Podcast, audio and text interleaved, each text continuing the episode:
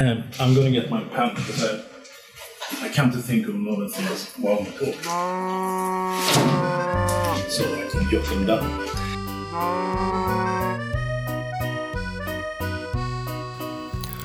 Det här är Ostpodden och jag är Johan. I förra avsnittet lovade jag att ge mig ut i världen för att leta intressanta gäster att få en pratstund med. Sagt och gjort. Jag gav mig av till Brisbane i Australien och hittade Michael Gabriel på Olympus Cheese. Och alldeles strax ska ni få ta del av det samtal vi hade. Men först tänker jag att det är några grejer vi ska räta ut också så att det blir kanske lite lättare att förstå det här samtalet. Och vi börjar med några engelska ostmakarbegrepp som eh, alla kanske inte är bekanta med. Michael nämner bland annat ”way” och det är ingenting annat än vassle. Han pratar också om brine som är saltlake.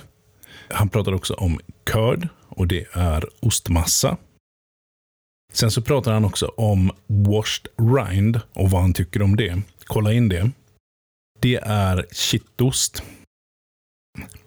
Sen pratar Michael också om att de är HACCP certified tror jag. Och HACCP står helt enkelt för HACCP, vilket i sin tur utläses Hazard Analysis Critical Control Point. Och Det är rätt mycket vad det låter som. Det är en sorts självkontrollsprogram som man ska ha på plats i bland annat ysterier. Michael berättar mer om det i intervjun såklart. Eh, sen pratar vi också om yield. Att olika mjölk har olika yield och yield är utbyte då. Viss mjölk ger mer ost per liter än annan. Och så pratar vi lite om pengar. De dollar vi pratar om är då australiensiska dollar som ligger på strax under 7 kronor när jag spelar in det här. Och slutligen nämner jag också Alexis. Alexis är Michaels dotter som mycket vänligt tog hand om mig och försåg mig med vatten som jag nog väldigt väl behövde när jag kom fram till ysteriet och var ganska förvirrad i den brisbanska hettan. Men eh, då är det väl inte så mycket att vänta på, utan eh, vi förflyttar oss tillbaka till varma, soliga Brisbane och Michael Gabriel på Olympus Cheese. I'm here with Michael Gabriel from uh, Olympus Cheese. from Olympus Cheese. in So in Brisbane, Australia. who's uh, nice enough to have me as a guest today, and who is nice enough to guest Ostpodden Cheese Podcast. So, Michael, if you could just give a quick overview over Olympus Cheese and what it is and what you do and so on. Right, so uh, basically, I'm the uh, one of the co-owners of Olympus Cheese, uh, based here in Brisbane, Australia. Uh, we're manufacturers of Mediterranean type cheeses. Um, our biggest product being halloumi, which is a Cypriot, originates out of Cyprus. We produce some feta. Uh, we do some ricotta, which is the byproduct of, of the of the whey, you know, from the cheeses and um, we uh, some yogurts. We a few years ago we started making some yogurts, and we contract manufacture some Indian cheese called paneer. Okay.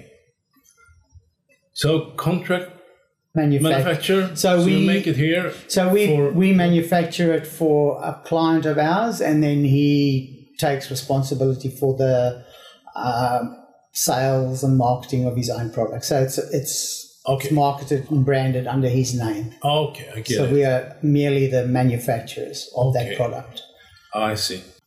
When it comes to size of Olympus cheese, how large are you in terms of employees and So we- we've probably got about 16 employees, and they range from full-time employees to casual employees that don't work a lot of hours. Some will only probably do about 20 hours a week, and where some of our full-time staff would do uh, 38 hours a week. okay. And 38 hours being the Being the- standard? The standard, the, Okay. the, the maximum uh, allowable hours before you have to start paying overtime. Okay. In Sweden we do 40. So 40. yeah, lucky you. Yeah. What do you, would you say the values and your philosophy? So basically, the Olympus cheese was started back in 1974 by a Greek gentleman that um, wanted to start producing cheese, and he started um, the factory at the back of his a small little factory at the back of his house in uh, one of the other suburbs, and so he started making halloumi uh, and a bit of ricotta. And so we took over the business about 20 years ago from him and obviously we've ex- expanded the business and moved into Mm-hmm. these premises about 20 years ago because previous premises were not suitable for us to sort of grow the business. Right. Um, so obviously, basically, just trying to follow um, what he was doing, which was handmade. At the time, it was small batches of handmade cheeses, and trying to grow the market. At 20 years ago, no one really knew a lot about halloumi or feta or even ricotta, except for the Greek communities or the Italian communities which those were their cheeses that they knew, and that's what they grew up with. So basically, we've been trying to grow the market, um, introduce people to our cheeses. And over the years, through a either through the chefs, uh, you know, TV chefs have come on and they've used halloumi or they've been using feta. The public through those shows have, have become aware of it and go out and look for those cheeses. And similarly, Australians have travelled overseas and travelled to Europe a lot more often, and they come back. They've tried a Greek salad Right. or they've tried halloumi, and they Yeah. come back here, and then they tend to look for it. Right. Yeah. What do you think? Is it the feta or the halloumi that started, so to speak, growing first? I think feta was always known, um, but halloumi was never because it originates out of Cyprus and a small island. It wasn't that well known, and and I think uh, that was the problem was that being such a small island, it, it was really distributing only in Cyprus and maybe in, in Europe. Uh, England, it was big in England because a lot of English lived in Cyprus and then they Right. would, would have taken it back there. I think feta was, you know, more more well known, as in with salads and stuff like that. Yeah, because I I used to say that. I mean, just add feta to whatever, and it turns the food good. Yeah. Uh, but I guess the halloumi also is could be that people haven't known how to cook it, uh, to How to eat it? yeah, to fry it, to grill it. Yeah. So I think in, in, in Cyprus they they tend to eat the, the halloumi very fresh as well, where it's been uncooked. And in Cyprus it's made of mainly goat's milk, and so obviously gives you different flavour. And they they enjoy it grilled up as well. And so that's what I mean by when these celebrity chefs have taken a, a, a an item and, and and showcased it in their shows, then people are intrigued and says, "Oh, well, cheese. I never knew you could grill cheese and it mm, won't right. melt and it keeps its shape and and how does it taste?" And and that was the intrigue. What does it taste like? Where would you use it? How would I eat it? How would I use it in my everyday sort of you know cooking? Yeah, because I would imagine with all the barbecuing I've been seeing when I've been here, it would suit Australia, so to speak, suit Australian cooking. Yes, it Once- does. I mean, yeah. I, I, I still think we we struggle in the uh, in the general population to get people using halloumi in in that form. A lot of the uptake has been through coffee shops and restaurants that have introduced it in their menus. They would have halloumi in their breakfast menu, or they would have halloumi in their lunch menu, added to a salad. Yes, so that's where the the growth has been is is through the coffee shops and restaurants and stuff like that. And then you get your consumer then that tries it there and says, "Oh, I wouldn't mind taking this home, grill it up myself, and see how I go." No, because now I mean you find a pretty broad range of it in like Coles and Woolworths. Well, Yes, yes. So Coles and Woolworths, obviously the bigger independent, uh, bigger store, supermarkets, and that's what happens once there's a, a, a cheese that becomes well known in the in the boutique market. Then they start bringing it in and adding it to their, so the demand becomes more for them, and so the inquiries become, and they they they add it to their range as well. yeah. And you're there as well. I've seen. So we we are more uh, we target more the independent supermarkets, the family-owned independents, or gourmet del- delicatessens, or you know here we have a lot of fruit shops that have um, an addition of cheeses and, and other other products. Okay. So that's our we, we don't sell to any of the the big supermarkets. We, we were out in, in some wholesale thing that also sold to individuals. I don't know In exactly. West End, Yeah. So we have, um, yeah, we have a, a couple of delis in delicatessens in West End that we supply, Yeah. and they sell. They do wholesale, but they're also open to the retail market. Yeah. And so we have a few. Um, you probably would have seen some of our product in there, yeah, I think we uh, got I got the feta and um, the yogurt from there. and the yogurt. yes. So I tried that, and the yogurt got a, a very good ratings even Oh, from good. from the people I stay with. Oh, lovely. Yeah. Yeah. So and so did the feta Mm. from me. So you need to try the halloumi next. I have. So I told Alexis that that was the first cheese I had when I came here. Yeah, we had it for breakfast. I think the Saturday Uh, the after. Yeah. Okay. So my sister-in-law had cooked it, and she said that yeah, this is the brand I buy. Okay. So it was like okay, I'm going to meet them. so that was fun, Oh, that's good. uh, and I liked it. But but how come? Okay, so you the, company was specialized in in the sort of Mediterranean cheese when you took over or, or, or entered the, the operations. Uh, how come you you stick to that? You have never. Well, I think our biggest problem was has been the, the size of the of the factory and our capabilities in looking at producing other products. Mm-hmm. And I think that's been the biggest impediment for us has been our space availability of, of equipment, and, and we didn't feel that we needed to go out out of what we're making. Uh, I know that just with the example of halloumi, we find now that we have Italian cheesemakers who make mozzarellas and bocconcinis and ricotta are now all making halloumi. They've added a halloumi to their range and they sell that as well because of the, the popularity of halloumi. Ah, okay. So we've had these big other companies add a halloumi to their their range of products. We haven't just seen. Uh, I haven't found that I really want to venture into making bocconcinis or mozzarellas because I'm not specialized in that, and I felt I just wanted to do what I was doing well, whatever we're doing well, just try and maintain that, not to have too many products outside of what we what we are. It was easy to add yogurt because yogurt is Mediterranean, you know, Greeks. Yeah, sort of- they all yeah, it's the, it's the range is logical. yeah, a logical step, to, and so that was why we ventured into yogurt Mm-hmm. making. Uh, we wanted to add an, another range to our our range, and so we haven't ventured much out of that. The the the contract manufacturing of the Indian cheese came about by an inquiry, and we felt we could still make it with the equipment that we had and use to make ricotta because paneer is very similar to ricotta Okay. in, in except in the sense that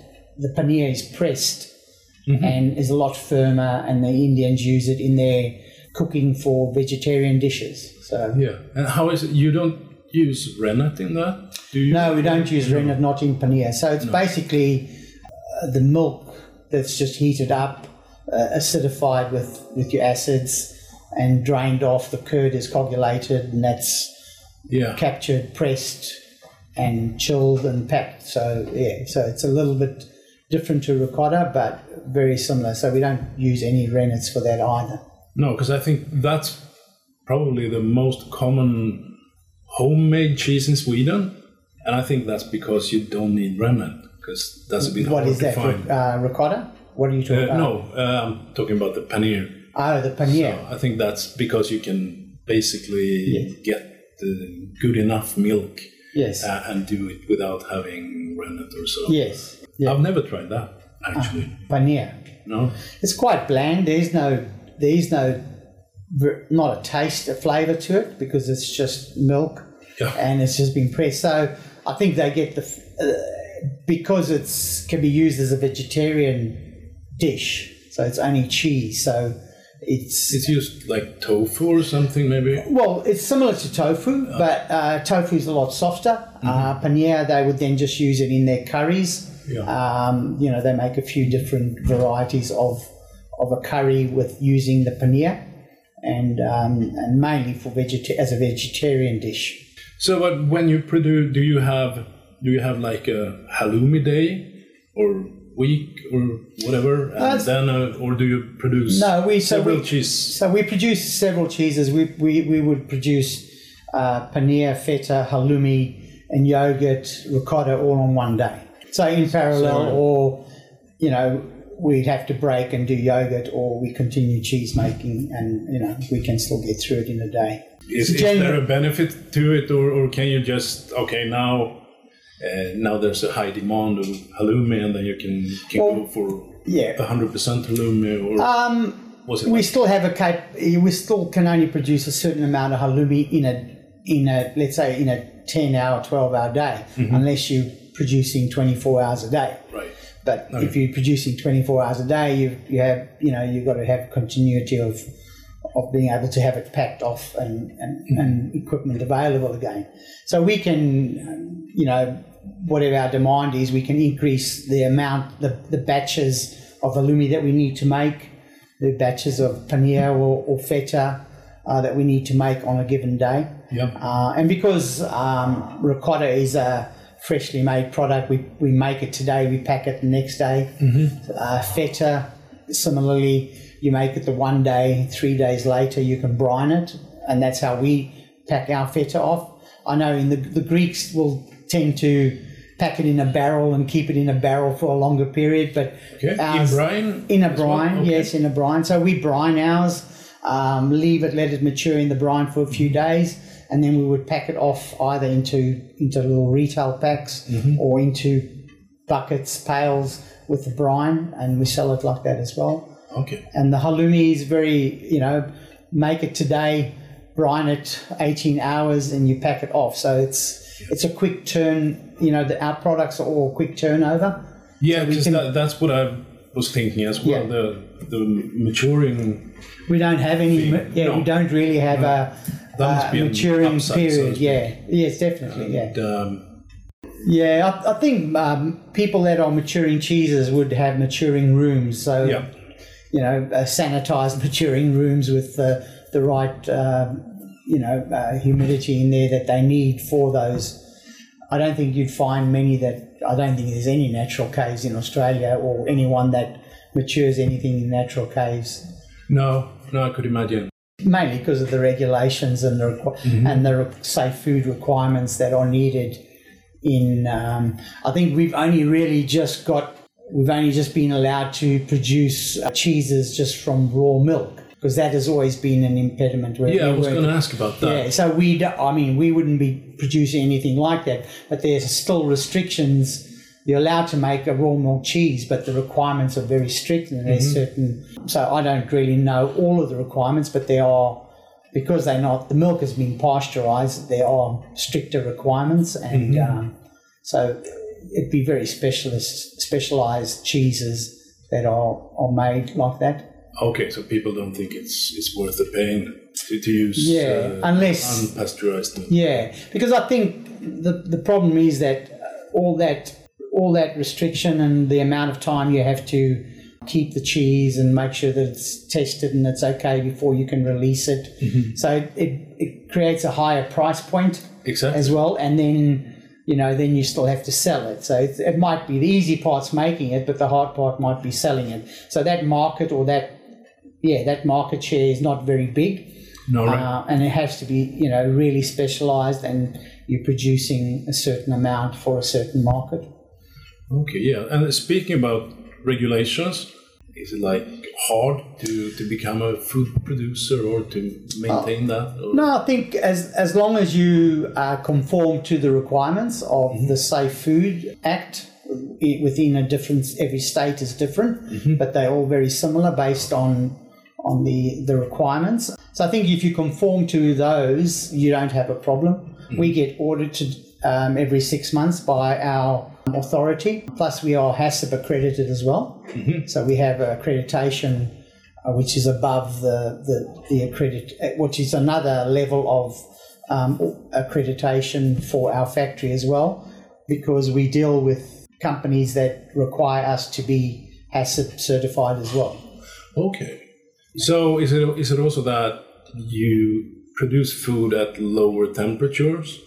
Because I know if you have a bakery, you're like then you're heating things up uh, Yeah. and and things are It's much, a little bit different, yeah. So obviously, with milk products, the ha- the hazards are bigger because of you know you have to heat treat products, make sure that they're safe, produce safely before they're released to the public. So there are all those requirements as regards to pasteurization and uh, temperature control, and you know producing a safe product and, and sending it out into the marketplace so that and, and the audits are they uh, by appointment or do they just show up? No, so we have um, audit days. So it's a lot. Uh, the, the auditing has changed a little bit, where it's a lot of self uh, self auditing in a way. So Oh, you have you have their requirements, and as long as you conforming to that, and and when they come out, they you know they say, look, we're coming out on a certain day, and they go through all your documentation, or they'll go through your factory and make sure that the premises are still up to standard and what's required of that. So, and then when you get to the HACCP audit, because there's two different authorities, so then you go through another audit to make sure that uh, you're based on your HACCP certificate, you're complying, and so they go through all your documentation and make sure you're complying with all that all that's needed to to make sure your HACCP Okay. ready. Yeah. Okay, that, that's about the same as in, in Sweden, I I think uh, every six months is what what the norm is. But if they come into your factory and they find you've got a few problems, they might come every three months Right. or even every month if it's quite bad. So they try not to, you know, close down your factory unless you're really terrible where you haven't complied and you're not complying. Then they eventually can close you down. Okay. But it just depends on your your factory and what level you're at. If there's a few problems, they might audit you more regularly. But mm-hmm. for us, it's every six months, which is the, the norm. Okay. Yeah, we spoke about milk. You're using only pasteurized milk. So we we buy raw milk from the farmer. So Okay. we, we get milk from the farm. So we have a couple of farmers that we buy milk off them. So we support our local farmers in, Yeah. in our area, uh, which is obviously you probably would have found out it's quite a big thing here, supporting local suppliers and Yeah, producers and come across the local markets and so yeah, on. the local farmers markets. and, yeah. And also in Queensland, we have had a lot of we've lost a lot of farmers Mm-hmm. because of the deregulation of the of the, the milk industry, and so they weren't getting good enough money for Mm-hmm. their, their milk, and so they would close up the factory or the farm, close the farm Mm-hmm. down, and so our prices in Queensland would be a lot higher than in some of the southern states like Victoria and Sydney. Okay. So we're paying a bit more for our milk. So we we try and support. Our, well, we well that's really the only place where we can milk get milk from is from our farmers. So we mainly use cow's milk, which Yep. is our main. Uh, most of our pro- well, all of our products are made, and then we're using a bit of buffalo milk. Yeah, I saw a buffalo. So we've got a buffalo halloumi and a buffalo Halloumi, feta yeah. in in the range. It's not big. Uh, it's not a big big items for us, products for us, but because obviously the milk is ne- nearly four times the cost of Okay. of cow's milk. So Due to just the small farming of buffaloes or. so there is a um, a, a farm up locally about two hours from here, and up actually on the way to Noosa, up in Maleny. I don't know if you might probably went up that way. Up in the mountains, so there's a buffalo farm up there. I think they've got about hundred buffalo that they milk. okay. and so we would get milk from from the farmer, Mm-hmm. and then we just we only produce halloumi and and feta. So, so how, how does that turn out? What was the difference? So the obviously the milk is white, very much whiter, like Okay. a goat's milk or a sheep's milk, Right.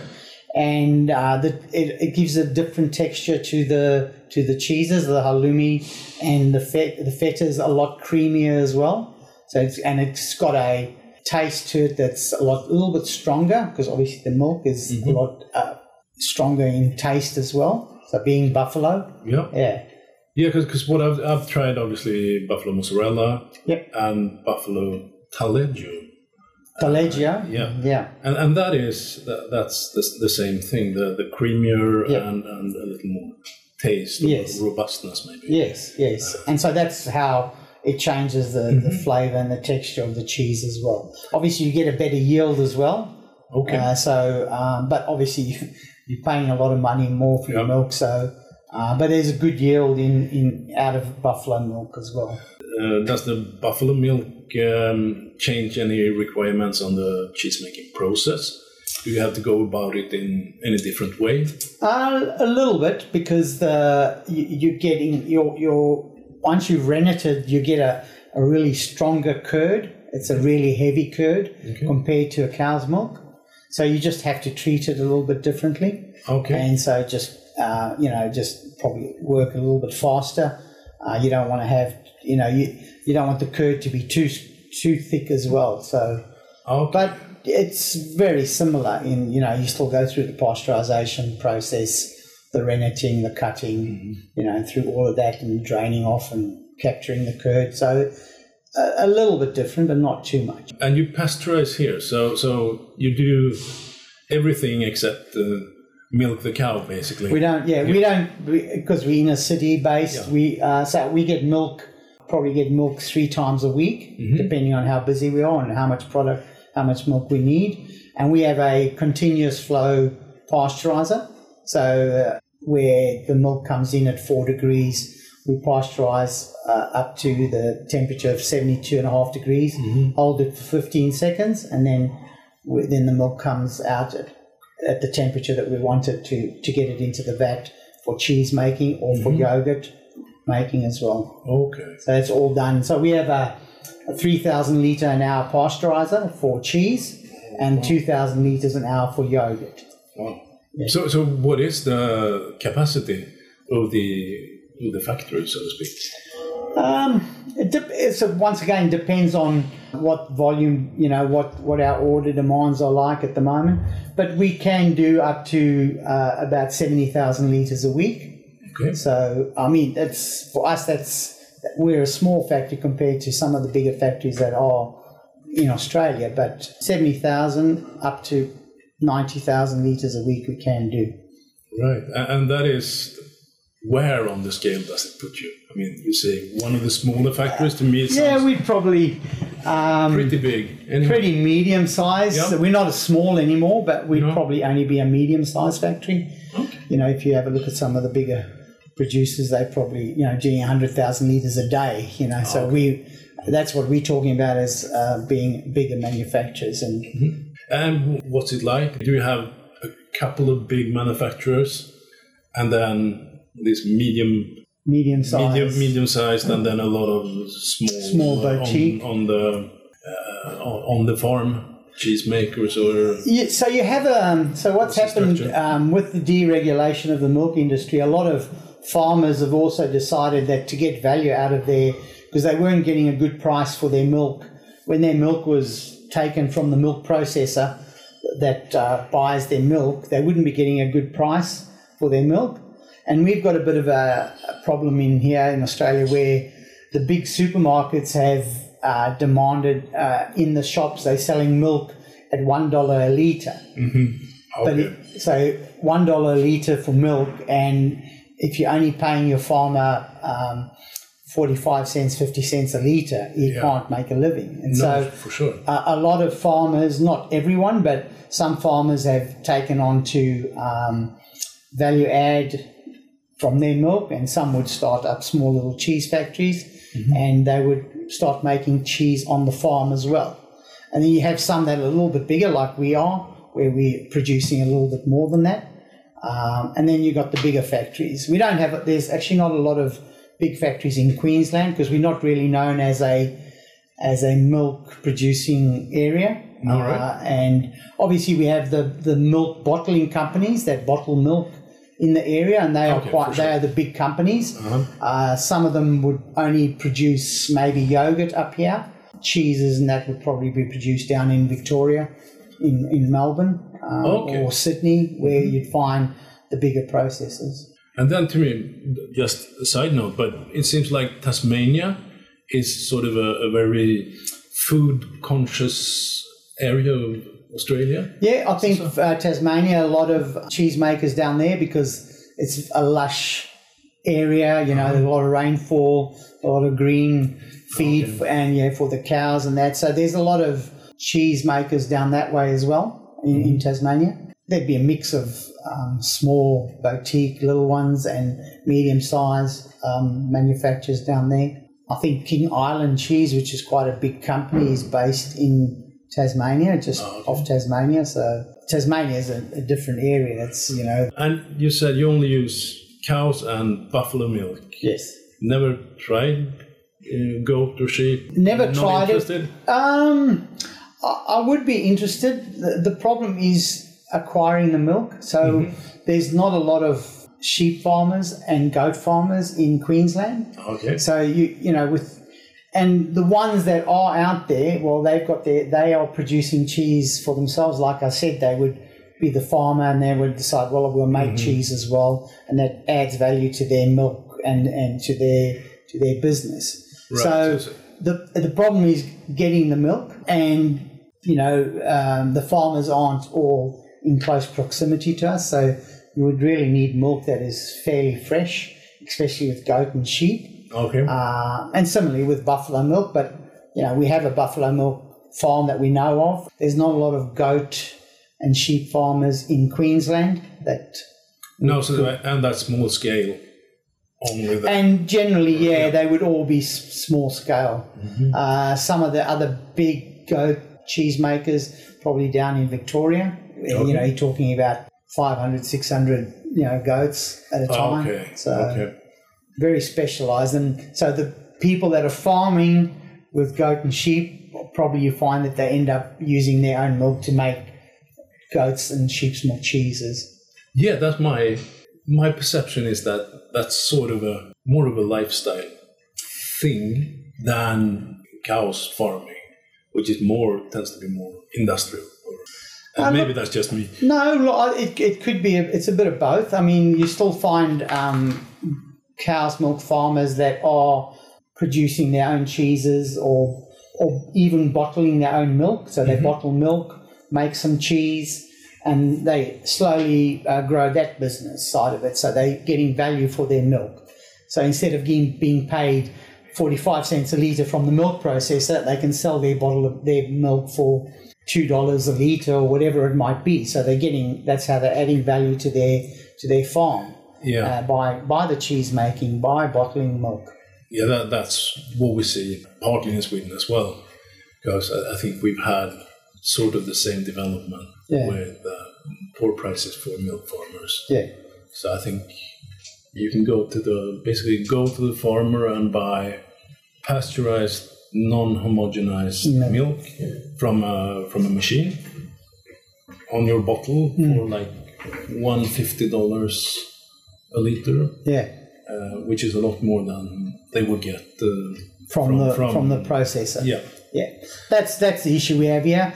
I think um, Australia being a big country, and the, you know we have uh, big distances. You don't, you know, we I'm not exactly sure how big Sweden is, but you, you you'd have a bigger population within those areas where Oh, yeah. we we don't have that. You know, our milk comes two and a half hours from here, so and the population up there is not very big, so they wouldn't be doing the same. A lot, a lot of the the farms have tourist attraction to the farm, so where people can come in, buy their cheeses, sit down, have a cup of coffee, have some, try some cheeses, uh, have a, a, a viewing window where they can have a look at the cheese making process. But those those people have decided, well, that's what they want to do.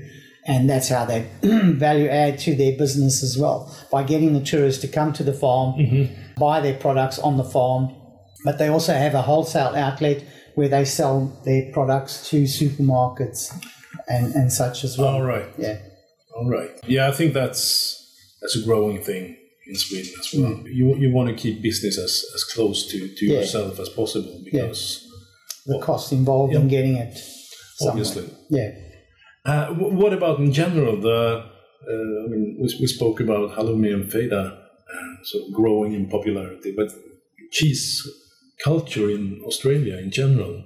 What, so what- the cheese culture as regards to what, how people how people consume it, Consume- or I think once again is it, it it's uh something that's grown over the years. I mean, as I said, we've been involved for twenty years, and and that was our issue as well. When no one knew halloumi, no one knew feta, but as people have travelled, as the TV shows of celebrity chefs have been on, people have discovered bries and camemberts and Right. blues and, and, and cheeses like that, and that's how they've you know, and Australia imports quite a, a lot of imported cheeses as well. Okay. So we make a lot of bries and camemberts and, and soft cheeses uh, and even hard cheeses, cheddars and stuff Yeah, like that. that. So there's a lot of cheddar. them. Yeah. Um, I think Australians grew up on cheddar cheese because that's yeah, the basic, you know. it uh, looks like that. yeah. Yeah.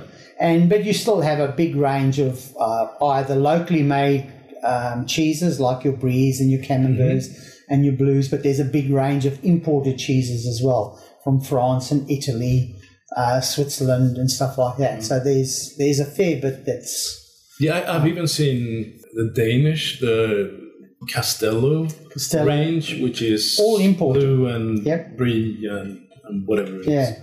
What about your products then? How best to enjoy them? So I think um, halloumi is you can enjoy. I think the most popular way is people pan fry it or grill it up, and so you've got this crispiness on the outside, a little bit soft in the middle, maybe a squeeze of lemon juice, um, or even have it with your breakfast if you're having bacon and eggs, or if you're having a salad, add it to a salad, or just having it uncooked where it's just just the cheese itself and having it with some watermelon or rock melon, a bit of fruit goes, you know, you can do it that way. Feta, you know, traditionally feta is, you know, used in salads, but there's a whole range of, you know, you can make dips with feta, different dips. You know, there's a whole lot of ways that feta can be used.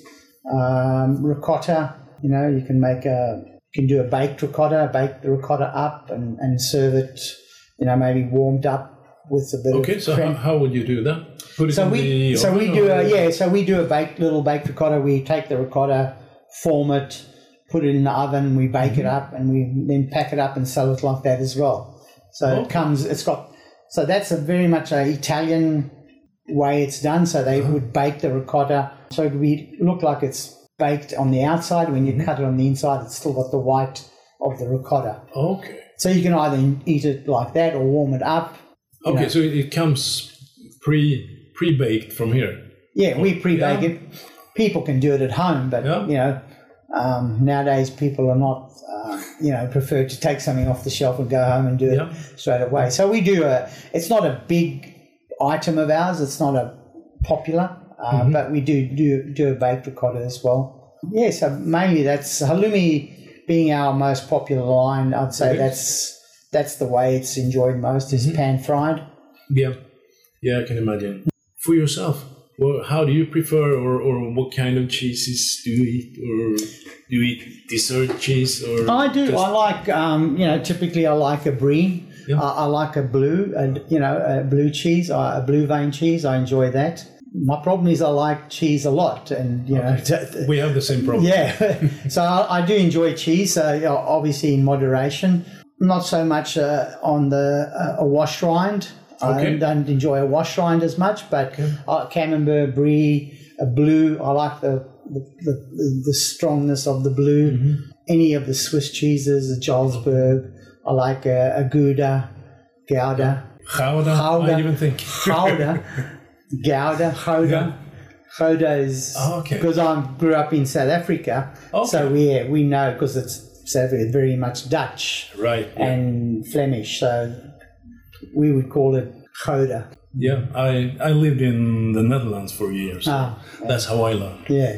so I enjoy I, I enjoy all cheeses really. Uh, some of the smelly ones, as I said, I, I'm not. Okay. Um, you know, I don't enjoy that too much, but but I like a blue, which is a can be smelly. Can be smelly, but But a, a good brie can be really smelly as well. I suppose, So- yeah, yeah. Have you tried any Swedish cheese? Uh, I as you haven't. I haven't No. actually, and um, because I haven't really come across any Swedish cheese, No. and that's uh, probably something that is an issue. You you know, especially I, I don't know. I haven't really seen any, and as I said, I'll be honest, I don't know. Before you came, I did Google. understand. I did Google some uh, Swedish cheese names and uh, yeah. came across the the farmers cheese. The farmers. It's called farmers. If you translate it, it means farmer. Yeah, Farmer's cheese Yeah. or the priest's cheese. yeah, that's big. Yeah. Um, But I don't know the I don't know the taste. I don't know the flavor, the texture no. of it. So I would have to go out and and find something. And, and, I, I and- wish I'd brought some. no, it's difficult to bring, Bring. stuff like that in to in- Australia. into Yeah. Australia. I think if you declare it, uh, you probably. I'm not exactly sure what's the requirement of bringing in, but I think if you declare it as a package If it's cheese, vacuum packed properly. yeah, it, it should be okay. Yeah.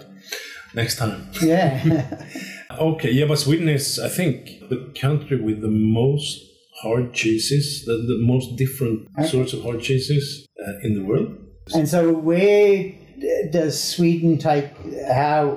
Where do their cheeses originate from? Is it is it Scandinavian? All those Scandinavian countries, Norway, Yes, I think, but I think we have a couple of the big ones are actually sort of mimicking Swiss Swiss cheese. cheeses? Not the Gruyere, but the, um, the Emmental, think, which is the one with the, The big ho- holes. holes in, yeah. So that's, I think, the The origin. mother and father of, Yeah. of all Swedish cheese. Yeah, yeah. And then we have obviously the, the one, of the priest cheese is with small holes. I don't know what's that in in English. Yeah, I'm not sure. Rundpipig and grynpipig in Ah, okay. Swedish. So I think I don't know.